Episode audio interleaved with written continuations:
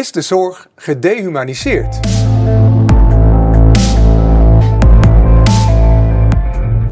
Welkom bij Niemandsland. Vandaag gaan we het hebben over dehumanisering in de zorg. En we hebben weer twee experts aan tafel. Uh, Arman Giebers en we hebben Sabine Pinedo. Ik begin graag bij jou, Sabine. Sabine, kan jij jezelf even voorstellen? Wie is Sabine Pinedo en wat heb jij voor moois gedaan uh, met jouw uh, platform? Um, ik ben uh, internist, vasculair geneeskundige. Um, en ik heb een uh, platform opgezet om mensen te verbinden. Want ik ben uh, een verbinder.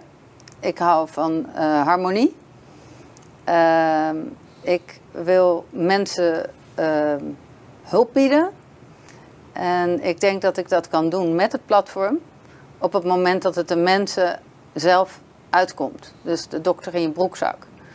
En ik hoop dat het op deze manier ook, als we deze manier, uh, als we dit toepassen in de zorg, maar ook buiten de zorg, dat het de zorg kan ontlasten. Um, en daarnaast uh, ben ik uh, moeder van drie kinderen en doe ik de ondernemen in de zorg samen met mijn man. Roderick, hè? Roderick Krajagen. Ja. ja. Nou, het klinkt heel goed. Eh, er komen veel haakjes, denk ik, voor jou in, in deze aflevering. Als het gaat, denk ik, over dehumanisering hè, in de zorg. Uh, Arman, welkom ook bij ons. En uh, ja, heel goed dat je hier bent. Uh, wat ik over jou gelezen heb, dat jij je ook heel erg inzet voor de familie en de dierbaren. Hè? Maar jij kan, vertel eerst even wat over jezelf. Je zit veel op de IC, weet er veel vanaf. Wie is Arman? Nou, een deel van Arman Gerbers is, de, ik ben hoogleraar intensive care geneeskunde. ik ben intensivist maar ik ben ook klinisch farmacoloog. En uh, dat betekent dus dat ik me met name bezig hou met de zorg voor patiënten die uh, kritiek ziek zijn. Dus dat zijn mensen met levensbedreigende aandoeningen. En uh, daarbij is het zo dat bij die patiënt, die komt uit een soort van die komt uit een systeem. En dat systeem is ook met zijn familie. En daarom is het ook zo goed om te kijken niet alleen naar de patiënt, maar ook naar de familie. En ik heb me inderdaad in de afgelopen jaren ook veel ingespannen voor ja, wat de rol is en het belang van de familie als we voor één patiënt uh, zorgen. Ja, heel mooi. Eigenlijk is dat ook een soort holistische kijk, hè? naar de omgeving meekijken. Ik, ik, denk van mezelf dat ik heel holistisch uh, kijk. En uh, dat komt ook door het vak intensive care geneeskunde, waar je natuurlijk met heel veel vakken te maken hebt. Met interne geneeskunde, met ja. oncologie, maar ook met de chirurgie. We hebben natuurlijk ook heel veel met psychiatrie hebben we te maken. Het gaat over samenwerken, uh, samenwerken met verschillende specialismen. Samenwerken, wat echt puur teamwork is op de intensive care met de En de intensivisten. Dus er komt heel veel bij kijken. En het, ik denk dat het ja, een absolute noodzaak is, een conditio sine qua non, dat je een holistische, generale kijk hebt op waar je mee bezig bent. Ja, mooi. Um, niemandsland, waar moet jij aan denken, Sabine, als je dat woord hoort? Niemandsland uh, is een, een, gebied wat natuurlijk van niemand is. Um, Waar twee, als je oorlog hebt, dan is daar een gebied, kan daar een gebied zijn wat van niemand toebehoort. En daar, als je daar met elkaar bent, denk ik dat je je kan verbinden. En dat je elkaars verhaal kan horen. Uh, maar zodra je weer uit dat gebied stapt, dan moet je weer in die conditionering. Dus ik denk dat niemands land zorgt voor verbinding en uh, naar elkaar luisteren. Bevinden we ons in een soort niemandsland? Heb je het gevoel erbij? Nu, op dit moment? Ja, op dit moment? Uh, ja, zeker. Ja? Nou, ik, ik hoop dat veel mensen in niemandsland gaan zitten om elkaar, uh, elkaars verhaal te horen. En of, of elkaars uh, gevoelens, naar elkaars gevoelens te luisteren. Ja. Dat hoop ik. Voor jou, Arman, waar denk jij aan als je aan het woord niemandsland? Ja, je geeft natuurlijk een beetje bloot van jezelf waar je dan aan denkt. Hè? Dus het eerste wat bij mij opkwam was niemand is nobody. Dus ik moest eerst aan Terence Hill uh, denken. Uh, My name is nobody. Uh, maar niemandsland, ja, dat is het land wat van niemand is. En waar misschien ook niemand geweest is. En waar je nogmaals even heel goed moet gaan kijken. Ja. Dus dat, dat deed, daar deed het mij aan denken. Ja, dus eigenlijk een mooie ontdekkingsreis. Hè? Dat, dat, dat, klinkt wel heel mooi. Um, ik, ik, wil heel even met jullie naar de laatste tijd in de zorg. Hè? Want uh, ik geloof dat we ons terecht een beetje zorgen maken over de dehumanisering. Uh, momenteel zijn er zelfs ook veel stakingen en acties ook in de zorg. Uh, hoe kijk jij naar de laatste paar jaar in de zorg? Ehm, ja, ik heb denk ik wel een, een, bijzondere positie, want ik werk dus niet in een ziekenhuis. Ik heb een eigen centrum of verschillende locaties. Um, dus ik, uh, ik denk dat ik een beetje een uitzondering ben wat dat betreft. Uh, ik probeer um, juist al mijn mensen bij me te houden en goed voor ze te zorgen, zodat ze niet weglopen. Um, en uh, dus dat is van heel, heel dichtbij, hè, hoe ik ermee omga, om, om te zorgen dat er een continuïteit van zorg is voor mijn patiënten, of onze patiënten. Uh, en als ik kijk naar het totaalplaatje, dan denk ik, ja, er is, um, er gaat ontzettend veel geld naar uh, partijen uh, die aan de zorg leveren. Um, je kan beter aan de zorg leveren dan in de zorg zitten. En ik denk dat het daar misgaat. Dus de mensen aan het bed die krijgen eigenlijk niet zozeer de aandacht die ze verdienen. En, en ook niet ja, de, de vergoeding ervoor. En uh, de mensen of de, de, de, de spullen die geleverd worden, die, die, de prijzen reizen de pan uit. Dan heb ik het over medicatie of tech of nou ja, al dat soort zaken.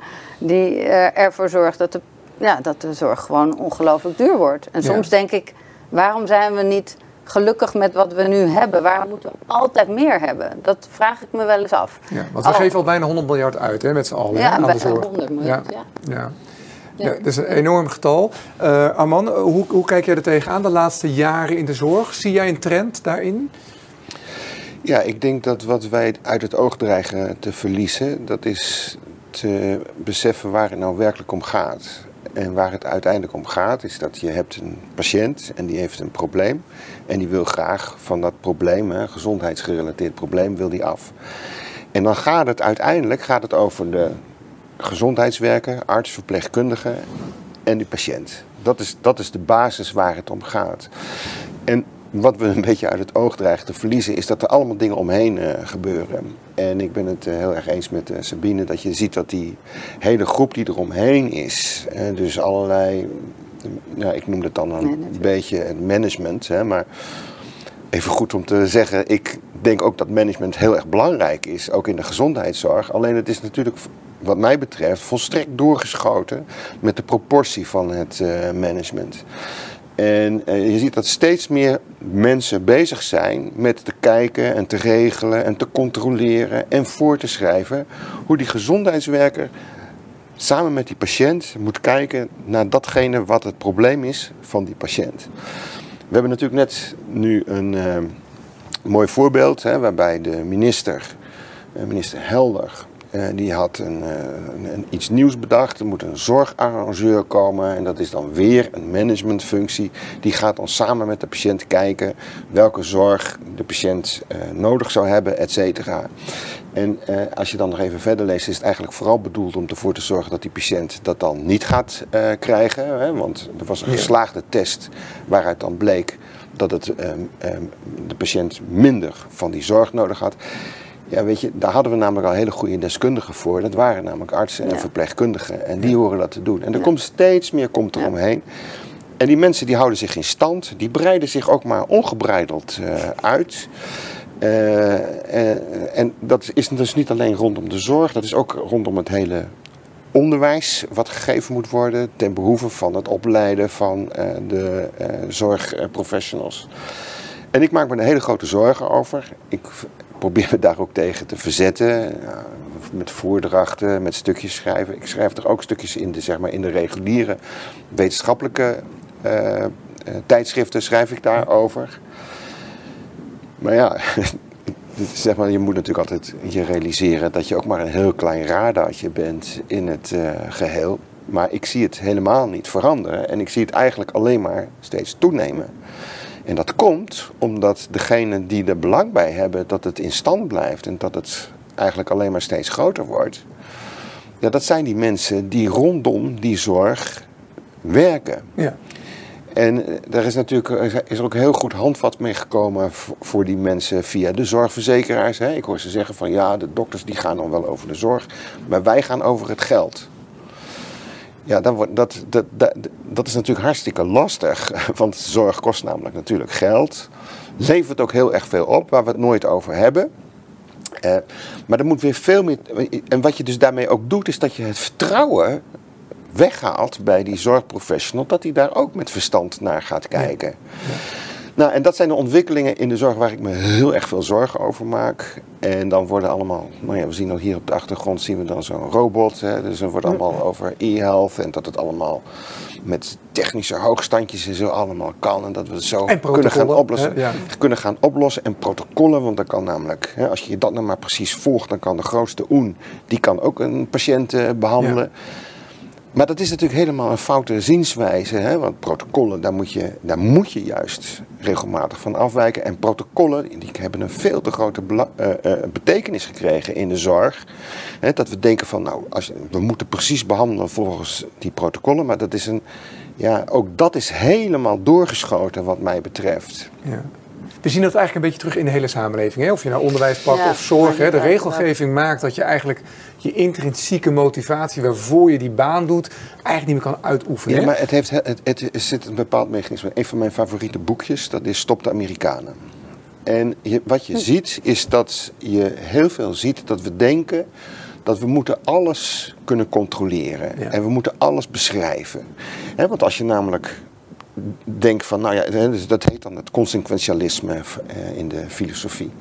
En we denken van, nou, als we nou maar gewoon alles precies beschrijven, dan kunnen we ook alle situaties kunnen we aan en dan kunnen we ook alles controleren. En als er dan iets fout gaat, weten we ook precies waaraan het ligt en dan kunnen we daar weer nieuwe regeltjes voor maken.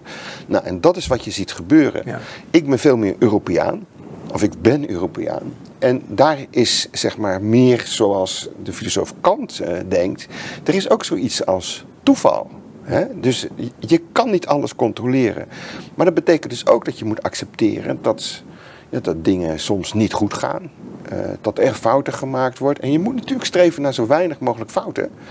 Maar je moet het ook accepteren. En wat je heel veel ziet in de afgelopen jaren, iedere keer als er iets fout gaat, dan begon natuurlijk gelijk weer iemand in de Tweede Kamer ook te schreeuwen van dit kan niet. En dan moesten we weer een nieuw protocol maken. Ja. En dat nieuwe protocol had weer veel meer nadelen dan voordelen. Ja, ja en we zitten nu helemaal gevangen in al die dingen. Al die regelgeving, en ik denk dat daar gewoon een er moet iemand komen. Ja, de bezem er doorheen. Die daar enorm de bezem. Ik meld mezelf graag aan als vrijwilliger. Het lijkt me een geweldige taak. Dat is leuk om te doen, denk ik. Ja, ja maar, maar nou, dat, het, je krijgt wel heel veel stokslagen natuurlijk. Want er zijn heel veel mensen die leven van die protocollen. Maar ik denk echt dat daar heel grondig en bruut de bezem doorheen moet. Zo krijg je natuurlijk ook denk ik de omerta van het er niet over mogen spreken hè, door artsen. Hè? Want je mag geen fouten maken, dus, dat is eigenlijk onmogelijk. Hè? Want je hebt zoveel protocollen, iedereen dekt zich in. En dan gaat het dus eigenlijk niet meer over die patiënt, maar het gaat vooral over de regelgeving, indekken, et cetera. Ik zeg dit een beetje uit ervaring, gewoon als burger. Iedereen komt wel eens in het mhm. ziekenhuis terecht.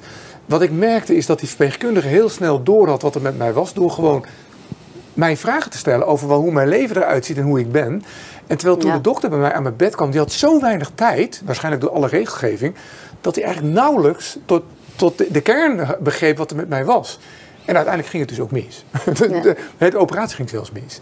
Terwijl ik dacht, god, alles is toch geregeld, alles is toch doorgegeven. Maar dat gebeurt er dan misschien, hè? Ja. Beetje wat jij beschrijft ook allemaal, hè? Dat is dan de praktijk, zeg maar. Ja, dat krijg je. Je krijgt ook, uh, ik denk dat we, uh, als we weten hoe bijvoorbeeld de familiesituatie eruit ziet, hè, of je steun hebt, of uh, geniet je eigenlijk van het leven. We zeggen nu, je mag zoveel glazen alcohol op een, op een dag drinken, het liefst helemaal niks.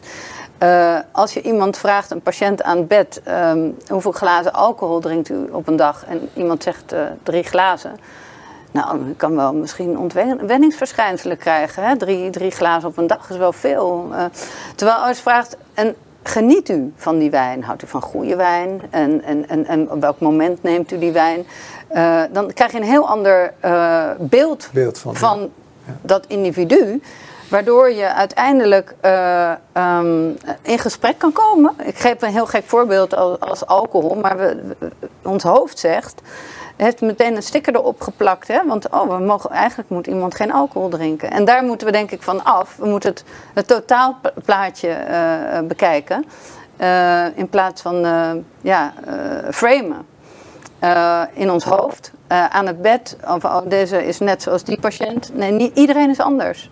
Iedereen heeft recht om ehm, zijn verhaal te doen. En ja, de, de verpleegkundigen ehm, die hebben een rol van sociaal. Maar de dokter heeft het ook zeker. Ik denk dat een dokter af en toe even moet aanraken. En die kan zelf aanvoelen of een patiënt dat aan kan of niet. Maar even, even iemand moet uh, aanraken om contact, echt contact te maken. Ja, ja wat jij er dus zegt, Sabine, uh, dat is iets waar jij veel aandacht aan besteedt ook. Hè? Arman, zeg maar die aandacht vooral naar, naar die patiënten. Zeker. Het is misschien nog even goed om terug te komen op die protocollen. Hè, want er zitten ook hele goede kanten aan protocollen. Hè. Voordat je een bepaalde riskante ingreep doet bij een patiënt, is het heel goed om te kijken van, nou, is alles aanwezig? Hebben we alle materiaal die daarvoor nodig is? Dus daar kan je ook heel goed afvinklijstjes en zo voor gebruiken. Maar wat we nu zien, is dat, waar jij net ook op doelde, bij het afnemen van het verhaal hè, van de patiënt, hè, de anamnese, dat zie je tegenwoordig al steeds meer dat dat via afvinklijstjes dat dat gaat. En jonge dokters leren dat ook zo. En ik ben wel eens meegeweest met uh, een uh, familielid naar, uh, naar de dokter als een soort van steun, zeg maar. En dan zie je dat de dokter die kijkt naar het computerscherm en die gaat zo dit lijstje van die vragen, gaat hij zo bij langs over, en dan stelt hij bepaalde vragen aan de patiënt. Nou, voor sommige dingen dat je dat niet vergeet te vragen, hè, is iemand ergens allergisch voor of zo. Dat is heel erg belangrijk, daar kan het bij helpen. Maar voor het afnemen van het verhaal is het heel erg slecht. Ja. En we zien ook dat de training van de dokters om het verhaal van de patiënt af te nemen, dat, die, dat, dat wordt ja, naar een secundair plan verschoven. Hè? Dus dat wordt minder belangrijk geacht. Je gaf er net zelf ook een voorbeeld voor. Van, ik kon eh, mijn verhaal niet kwijt. Nee, nou, het gekke sterker was nog, aan dat, dat, dat verhaal werd wel zes, zeven keer herhaald door allerlei weer verschillende mensen. Ook met nachtdiensten en dagdiensten. En ik heb ook heel vaak moeten herhalen waarom ik in het ziekenhuis wat er aan de hand was. En dat verhaal is dus uiteindelijk op de operatiekamer misschien wel of niet terechtgekomen, maar in ieder geval, het is niet goed gegaan. Nee, maar eh, het luisteren is natuurlijk een hele belangrijke kwaliteit die noodzakelijk is voor om een goede dokter te zijn. Hè? En uh, ik denk dat die vaardigheid van het goed het verhaal afnemen, het goed luisteren, maar ook het goed kijken naar een patiënt. Hè? Want ja. uh, uh, nou, ik ben zelf heel erg geïnteresseerd in, uh, in de non-verbale communicatie, hè, in de lichaamstaal. Je kan heel veel dingen halen uit de lichaamstaal. En als je aan een patiënt vraagt van, nou heeft u daar en daar veel last van? En de lichaamstaal is niet in overeenstemming met wat de patiënt vraagt dan kan je, als je alleen maar een vinkje zet, dan kan je dat, of wat de patiënt zegt, dan kan je het vinkje wel even zo invullen. Maar als je gewoon goed naar de patiënt kijkt, zeg je, oh, maar daar zit nog wat achter. En dan kan je doorvragen en dan kan je die patiënt laten vertellen. En ik denk dat uh, we dat specifieke, hè, dat we dat verliezen. En je krijgt ook dat non-deskundigen die zeggen van, nou ja, als het dan een afvinklijstje is, dan hoeft misschien de dokter het ook niet meer zelf te doen. Dan kan dat wel een een assistent kan dat wel even doen. En misschien kan wel iemand die alleen maar kruisjes kan zetten, kan het doen. En dat is dan ook weer goedkoper. En dan kan de dokter zijn tijd efficiënter gebruiken. Dat wordt allemaal gezegd door mensen die, en dan, ja, excusez le mot zal ik maar zeggen, maar die er echt niets van begrijpen. Ja. Maar die daar wel over dreigen te gaan. En eh, daar maak ik mij heel erg veel zorgen over.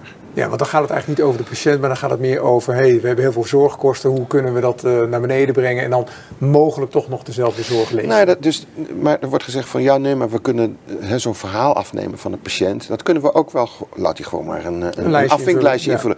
Weet je wat? U kunt het wel vast gewoon even thuis doen. Dan vinkt u gewoon even wat aan en dan kom je met. Nou, dan zie je het.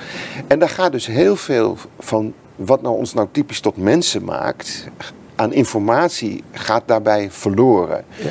En dat is een van de dingen die, nou ja, ik beschreef dat in die uh, blog ook, omdat ik daar zelf last van had toen ik wat dingen moest regelen bij een bank en moest regelen bij een, uh, een internetprovider. ja. ja, jij zei dat is de dehumanisering ook van de dienstverlening. Hè? Oh, Had jij een mooi blog over geschreven? Ja, ja. en, en je, en je voelt je dan zo ongelooflijk rot. Dat je, zeg maar, alsof je gevangen bent in een soort van. Ja, uh, uh, uh, huis met allemaal gangetjes. En dat je niet een doolhof. Dat je niet meer weet waar je heen kan. En je ziet niet de uitgang. En waar je behoefte aan hebt, is daar gewoon even met een mens, een deskundige.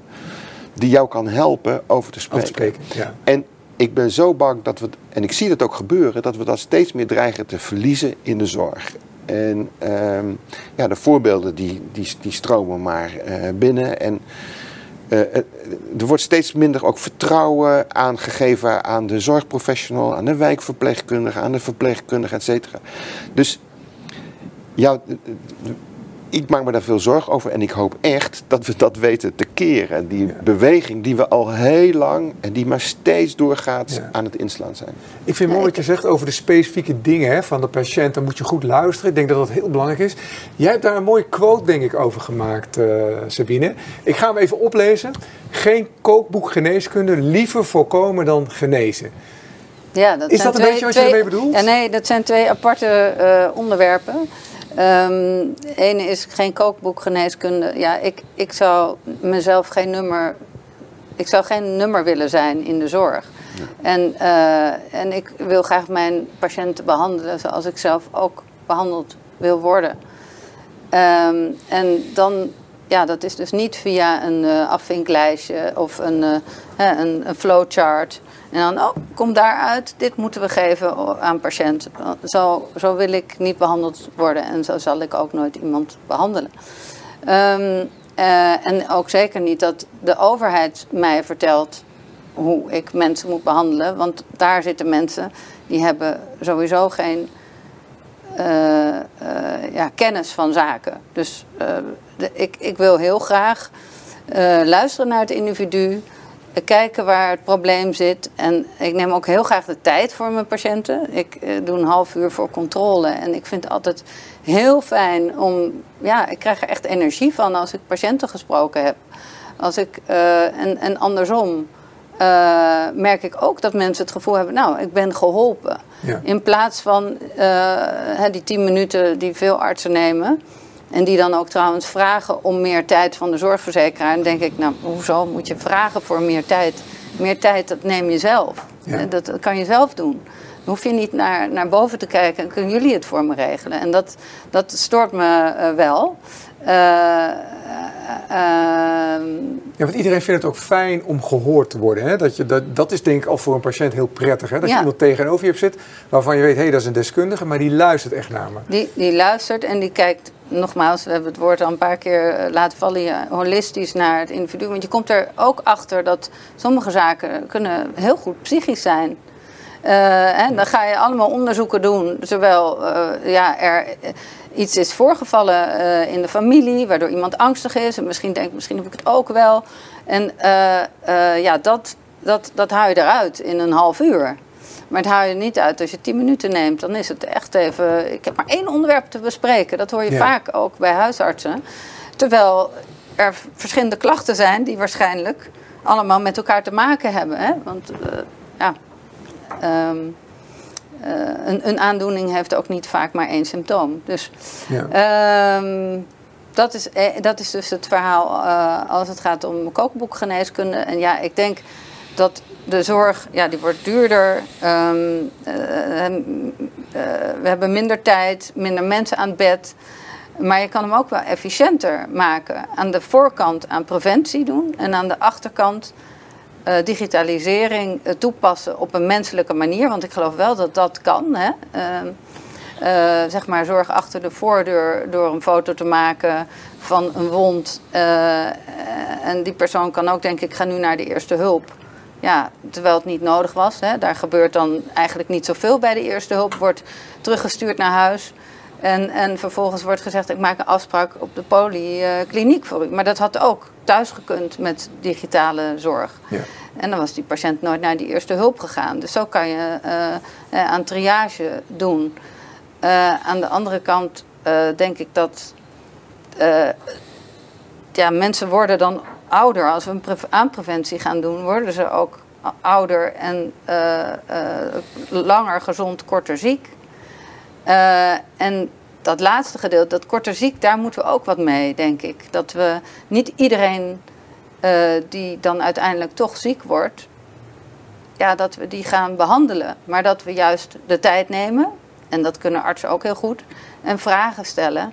Uh, wat wil iemand eigenlijk nog in het leven? Wil die wel geholpen worden? Um, in plaats van dat wij als een soort van reflex weer met een onderzoek komen, wat misschien wat de patiënt niet eens gewild had. Ja. En, en daar moeten we naar kijken en luisteren. En dan moeten we kijken en luistergeld gaan betalen. Even, even, een mooi haakje voor de digitalisering. Jij hebt ook een mooie quota over gemaakt, uh, Aman. Ik, ik, ga hem even oplezen. Digitalisering zorgt voor ontmenselijking. Wat bedoel je daarmee, Aman? Nou, ik heb net uh, heel veel verteld over hoe belangrijk de relatie tussen de zorgverlener en de patiënt uh, is. En dat het daar eigenlijk om draait. Hè? En nou, wat jij net zei, van als een patiënt dan zeg maar een ernstige ziekte heeft en tegen het aan het einde van zijn of haar leven komt, dan moet je afvragen van wat is nou nog een goede behandeling. Ik zelf denk dat ook iemand niet een specifieke behandeling geven, dat dat een behandeling kan zijn. Ja. Dus het is, het is vreselijk als ik soms collega's hoor zeggen uh, van, uh, nou, u bent uitbehandeld, ik kan niks meer voor u doen. Ja. Dat is wel heel erg. Hè? Het is zo dat je inderdaad mensen soms niet meer kan genezen. En er komt altijd zo'n moment, omdat iedereen namelijk altijd doodgaat. Maar dan is er nog steeds wel een behandeling in termen van begeleiding, helpen, klaarstaan om te helpen. Ja. Is mogelijk. En dat valt ook onder behandeling. En dat kan je niet Um, daar, daar hoort menselijk contact bij. Kijk, de grote vergissing die ik zelf ook heel lang gemaakt heb, dus, dus niet ergens iemand dat vindt. Ervaring, zeg ik spreek uit ervaring. Dat is dat we denken dat mensen hele rationele wezens zijn. En dat is totaal niet zo. Mensen zijn helemaal niet rationeel. Zijn juist heel erg emotioneel. En dat betekent dat we ook moeten waarde moeten toekennen aan die zaken die dus voor die emotie ontzettend belangrijk is. En daar hoort menselijk contact hoort daar gewoon bij. En ik denk dat iedereen ook wel die ervaring heeft. We hebben er ook even over gesproken. Als je zeg maar in die tijd van de COVID hadden we natuurlijk heel veel uh, congressen die gingen via uh, van die i-congressen. Dus dat ging via je beeldscherm. En dan, als je dan iemand heel goed kende, dan was het eigenlijk nog wel. Pas, was het nog wel te doen. Maar als je iemand niet kende, dan miste je allerlei dingen. En dan was het heel erg slecht. Dan had je toch liever dat je iemand kende. Ik kan nu heel goed aan jou zien wat je ervan vindt. En of je nog wilt dat ik nog even doorpraat of dat ik weer ga stoppen. Dat zijn allemaal dingen die je kan zien in de non-verbale, in de menselijke communicatie. En daarom ben ik zo bang voor die digitalisering, dat die zorgt voor die ontmenseling. Dat we zeggen van, hè, dus, ja, ook weer een minister, die, dezelfde minister, die ik hoorde zeggen van, ja nee, maar we hebben nu ook speciale metertjes en die kan dan in een luier bij iemand en die kan dan detecteren dat die luier nat is. Nou, hartstikke fijn, hè? en dan hoeft ze misschien niet te vragen. Maar dan nog moet er iemand komen. Hè? En die moet daar dan heel liefhebbend en zorgzaam voor die patiënt uh, zorgen. En er wordt net gedaan alsof het daarmee het probleem is opgelost. En dat is natuurlijk niet zo. Het mooie is dat ik hier, uh, nou toevallig heb ik iemand uh, met een burn-out. En die is naar een uh, instituut gegaan, dat heet Happy Brain Clinic. Ze zullen er blij mee zijn. Die, die, hebben, die vertellen ook, je communiceert 95% door middel van je hart. En 5% de rest is non-verbaal, 4% en de rest is via praten, kan je nagaan. Dus, dus dat is het mooie, weet je. Dus als wij met elkaar spreken, laat staan dat je dat dus op een schermpje doet, wat hoe groot die verschillen zijn. Hè? Dus als je niet met elkaar zo direct in contact bent. Nou ja, kijk, als, als stel je hebt, jouw kind is, is gevallen en die heeft een hele vervelende wond. Dan kan je natuurlijk best wel zeggen van, nou weet je, ik stuur een foto. Ja. Maar wat je natuurlijk toch wilt, is dat er iemand in wie jij vertrouwen hebt. Hè? Want dat wordt dus nog niet veel gevallen. Hè? Maar voor een goede zorgverlening is vertrouwen 100% nodig. Als een patiënt mij niet vertrouwt als dokter, kan ik niet goed voor die patiënt zorgen. En als dan iemand met vertrouwen naar die wond kijkt en die zegt van nou, dus dit, dit is aan de hand, we doen er nu gewoon uh, nou, hoeft alleen een beetje zalf op of, weet, of, een, of, of een, een, pleister doen we erop en je hoeft alleen maar even een beetje te spoelen met water.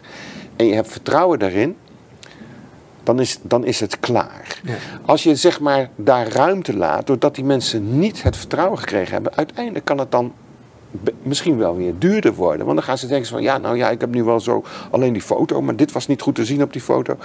Snap je?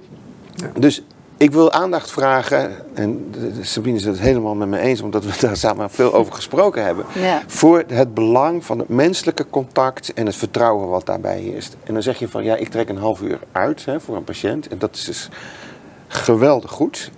Maar wat je natuurlijk ziet, kijk, ik trek ook tijd uit voor familie van patiënten die al zijn overlijden.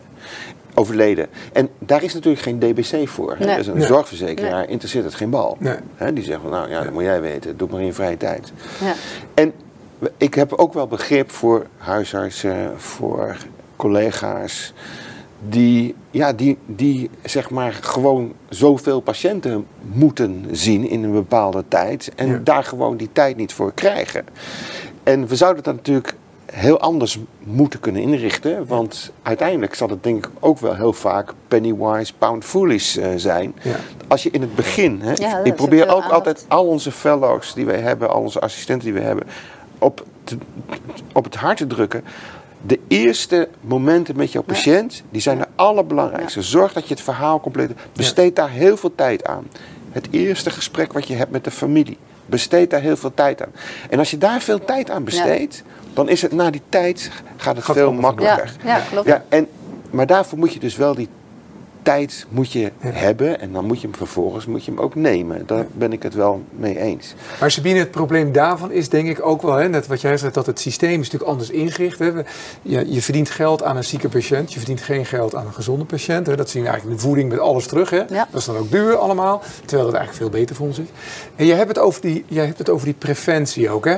Is dat het ook wat het zo moeilijk maakt dan? Om, om eigenlijk die tijd te krijgen, omdat het niet betaald wordt eigenlijk? Eh, preventie. Ja, het, het, het systeem zit best ingewikkeld in elkaar, inderdaad. We, we verdienen, eh, er verdienen heel veel mensen aan zieke mensen.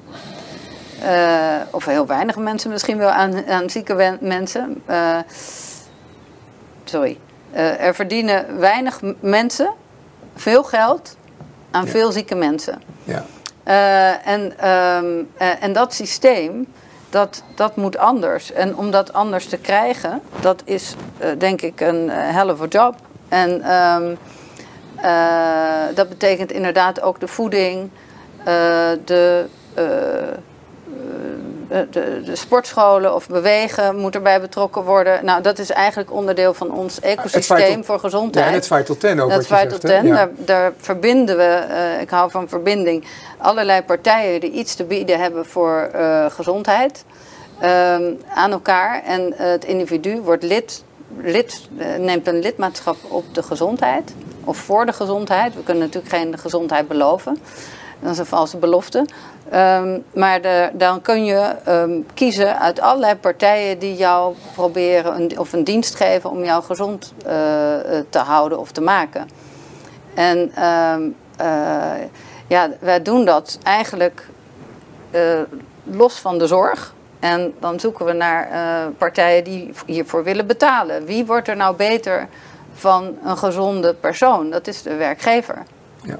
Dat zit niet in de zorg. Daar verdienen we allemaal geld aan zieke mensen. Dus als we naar de werkgever kijken, eh, die wil zo lang mogelijk een, gezond, eh, gezonde medewerker hebben. En als wij dus de werkgever een programma bieden om middels eh, een, een abonnement iets aan te bieden, bijvoorbeeld 100 of 150 euro of 200 euro of 300 euro per jaar te besteden aan iets voor die gezondheid, waarbij het individu zelf kan kiezen wat, eh, eh, wat hij wil gebruiken in dat jaar. Ehm, dan is het ook geen one size, one size fits all. Iedereen heeft een eigen keuze. De werkgever betaalt daarvoor. En je kunt dan ook kiezen eh, voor een mediator, of voor een psycholoog, of voor een specialist, of voor een fysiotherapeut. En ja, een mediator is een hele interessante. Want ja, ik hoor van mediators dat er heel vaak eh, problemen op het werk beginnen eh, ontstaan. Die uiteindelijk zelfs tot een hartinfarct aan toe eh, kunnen leiden. Hè. Die had je absoluut kunnen voorkomen door in het begin, als er een probleem tussen werkgever en werknemer ontstond, om dan eventjes contact te hebben met de mediator on demand. En dat vind ik dan dus wel weer mooi. Je kunt, dit zit dus dan niet in de zorg, maar met die werkgevers. Ehm, je kunt dus on demand hulp bieden en voorkomen dat iets eh, eh, erger wordt. Ehm, en nou ja, ik, ik, hoop dat veel werkgevers in gaan zien dat dit een interessante uh, oplossing kan zijn voor ze. Om een gezonde medewerker uh, uh, of om een medewerker zo lang mogelijk uh, gezond te houden. Hoe kijk jij daarna? Nou ja, naar de ziekenhuiszorg, naar oplossingen? Nou, het is toch wel even goed om voor ogen te hebben van waar het nou eigenlijk in het leven om gaat. Hè? En volgens mij gaat het in het leven erom dat je tussen het moment dat je geboren bent en dat je doodgaat, dat je zo gelukkig mogelijk bent. Ja. En daar kan een dokter kan daar een rol spelen. Hè? En, maar ook een heleboel dingen, ook in het kader van de preventie, dat hoeft natuurlijk niet per se een dokter te zijn. Hè? Ik ben zelf ook gymnastiekleraar. Beweging. Uh, dus dat betekent ook, hè? dus dan was ik ook eigenlijk als gymnastiekleraar was ik bezig met uh, preventie. Maar je wilt dat mensen zo gelukkig mogelijk zijn. En nou, het is een stuk makkelijker om gelukkig te zijn als je ook gezond bent. Dus dan moet je kijken hoe je dat voor elkaar kan krijgen. Het is in mijn ogen een misverstand om te denken dat preventie dat het ervoor zorgt dat de zorgkosten omlaag gaan. Mhm. Dat is niet zo. En dat is ook helemaal niet zo moeilijk te begrijpen. Want wat er gebeurt als mensen zich heel goed houden aan gezond leven en preventie, dan worden ze ouder. En dan blijven ze dus langer gezond. Nou, dat lijkt me voor de mens die het betreft hartstikke fijn. Maar aan het einde van zijn leven, wat dan dus zeg maar zeven of acht jaar later is, wordt hij nog steeds ziek. En gaat hij nog steeds heel veel onkosten maken. Hè? Omdat we ook weten uit onderzoek. En eh, dus preventie zou bij wijze van spreken, en dat is, dat, maar, dat is wel een hele lastige discussie. Zou alleen helpen als je zou zeggen, als ik nog mag, ja. zou alleen helpen als je zegt van nou oké, we gaan ervoor zorgen dat je tot je, vijf, ik noem maar wat, tot je 85ste heel gezond bent. Maar als je dan op je 85ste wat krijgt, dan pech gehad. Dan, dan, dan, uh, dan, is het, uh, dan gaan we je nog wel behandelen, maar niet, maar meer, niet, maar niet meer alle behandelingen geven en zo. Nou, het, het, is wel iets waar we verstandig over moeten praten. Hè? Want bijvoorbeeld in mijn vak, dan zie ik ontwikkelingen. Hè? Daar gebruiken we de hart-longmachine. Dus dat noemen we dan, uh, bij, op de intensive noemen we dat de ECMO. Dus dat is buiten het lichaam. Uh, dat je dan uh, hart-longen uh, circulatie ja, laat werken. laat werken. Dus dat iemand, dat is dus een hart-longmachine, maar dan op een intensive care. En dan zie ik van, ja nee, we, we gaan het nu overal inzetten. We gaan het nu ook inzetten op de helikopter. En dan kunnen we enkele levens per jaar kunnen we daarmee redden. Nou, ik denk dat de kans dat je daar nou echt een leven mee redt heel erg klein is. Maar wat we ons moeten realiseren als maatschappij, is dat we dat, dat moet namelijk wel betaald worden. En daardoor is het nu toch zo dat een heleboel, laten we zeggen, bejaarden, dat die niet vijf keer per week onder de douche kunnen, omdat daar geen personeel voor is. Precies. Ja. En ik denk wel dat we over dit soort keuzes, dat we daar veel meer over moeten praten. Ik even gewoon streng naar mijn eigen collega's, hè, die zeggen van, nou ja, nee, dat is geweldig. En er worden hele mooie filmpjes op gemaakt op uh, YouTube en zo. Hoe geweldig heroïs het wel niet is en dat er weer een leven gered is. Ja. Maar de kans dat ze daadwerkelijk een leven redden is heel erg klein. En natuurlijk is er af en toe een geval dat je zegt van, god, daar heeft het wel het verschil gemaakt. Ja. Maar de prijs die we met z'n allen daarvoor betalen is heel erg hoog. En die prijs die we betalen, die wordt heel slecht in beeld gebracht. Ja, maar ik, ik, één ding wil ik er graag aan, opmerking bij meenemen, is dat eh, als je kijkt wat de gegevens die bekend zijn dan, uh, we hebben het vooral wel over symptoombestrijding. Hè? En als je het hebt over preventie kun je dat denk ik wel voorkomen, want inmiddels zijn 11 miljoen mensen in Nederland aan de medicijnen. En niet één of twee, veel meer medicijnen, die vervolgens ook weer heel veel bijwerking geven, waardoor er minimaal, tenminste dat zijn de cijfers, 50.000 mensen per jaar worden opgenomen. Als je dat natuurlijk meeneemt over je hele bevolking en je kan die preventie inzetten, zodat dat we minder medicijnen, zeker minder in het ziekenhuis belanden, dan is dat waarschijnlijk wel heel veel geld. Ja, ik, ben, ik ben ook, het is, toch, het is een beetje flauw om te zeggen, maar ik ben ook klinisch farmacoloog. Hè? Dus ik heb me, hou me ook bezig met geneesmiddelenonderzoek. En uh, het beoordelen van, uh, van geneesmiddelen heb ik in het verleden ook wel uh, gedaan. En het is natuurlijk zo, er is geen geneesmiddel zonder bijwerkingen. En natuurlijk moet, ik denk dat we vooral heel erg moeten investeren in scholing voor dokters, uh, verpleegkundigen in welke medicatie op welk moment gegeven moet worden en wanneer medicatie weer gestopt kan worden. en daar is absoluut nog aan verbeteren. Maar ik zie dat meer in termen van laten we nou alsjeblieft veel meer geld steken in opleiding, uh, in bewustwording, et cetera. Waarom zouden we dat ook niet in het onderwijs, uh, mensen zelf dingen stoppen? Ik zeg altijd tegen patiënten, ik zeg nou bedenk altijd, er is niemand die beter voor jou zorgt dan jijzelf. Jezelf, ja. dus ik zeg altijd tegen dus daarom Hè, want soms zeggen ze, nou, waarom legt u dat allemaal uit? Ik zeg, nou, ik leg het uit omdat ik, u bent de volgende keer altijd bij als weer een Ja. dokter. En, want u moet nu even, want omdat u deze medicijnen gebruikt, moet u die medicijnen absoluut niet gebruiken. Schrijf dat even op en onthoud het. Nou, daar moeten we denk ik in investeren. En over die getallen van ja, van eh, zoveel mensen worden opgenomen door bijwerkingen van medicijnen, et cetera.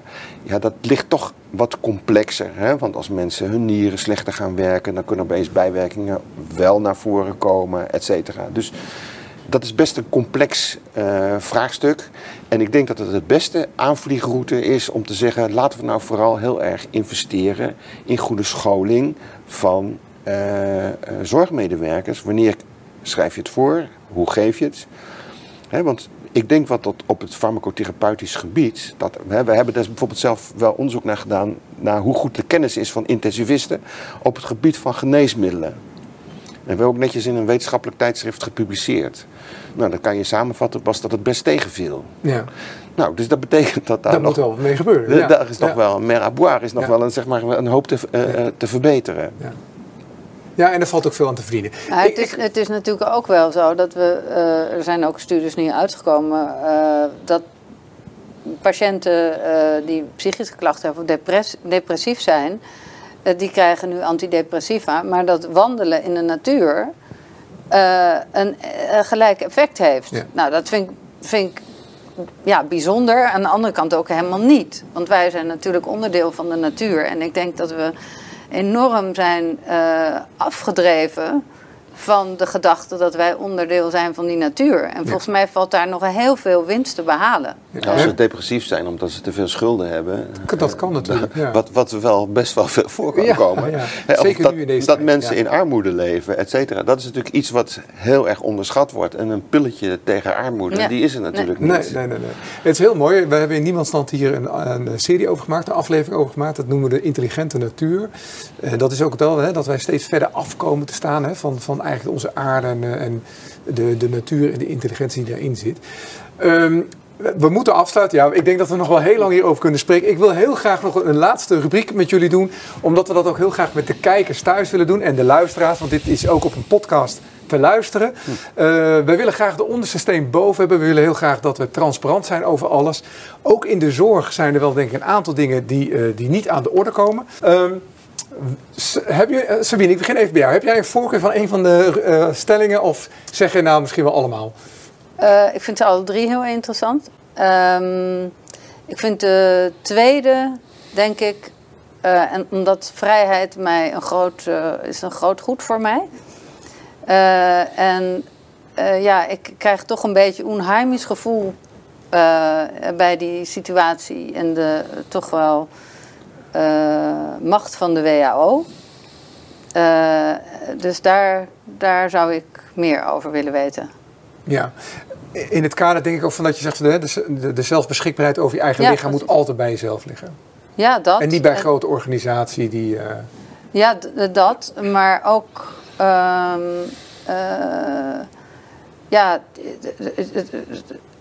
het kan ook zijn dat er op een andere manier. Dit is dan voor een pandemie, om, gaat om een pandemie, maar dat er op een andere manier macht wordt uitgeoefend. eh, niet alleen door de WHO, maar andere partijen die, eh, eh, die zorgen dat, dat onze vrijheid ons ontnomen wordt. Kijk naar China, hoe het daar aan toe gaat. En soms kijk ik toch een beetje met, met zorgen die kant op. En dan denk ik, er worden wel allerlei wetten aangenomen... waardoor we, wij ook in die situatie terecht kunnen komen. En ik kijk altijd eh, erg ver vooruit. Eh, meestal zit, zit ik tien jaar eh, voor de rest. met digitalisering, met preventie. Ik ben er echt al, al, al twintig jaar mee bezig. Ehm, en hier denk ik, ja, dus wat voor wereld groeien mijn kinderen strakjes op? Ja, Maakt me echt eh, heel veel zorgen over. Ja. Ja. Arman, hoe, hoe kijk jij naar de, de drie rubrieken? Heb jij er eentje van waar je zegt, nou heb ik een voorkeur voor? Nou, het zijn denk ik alle drie belangrijke onderwerpen die met name eh, door de COVID heel erg weer naar voren gekomen zijn. Hè. Ehm, dat onderzoek naar de oversterfte, ja, zeg maar, in, in het Frans zeggen we van on n'est jamais mieux servi que par soi-même. Dat betekent je wordt door niemand beter bediend dan door jezelf.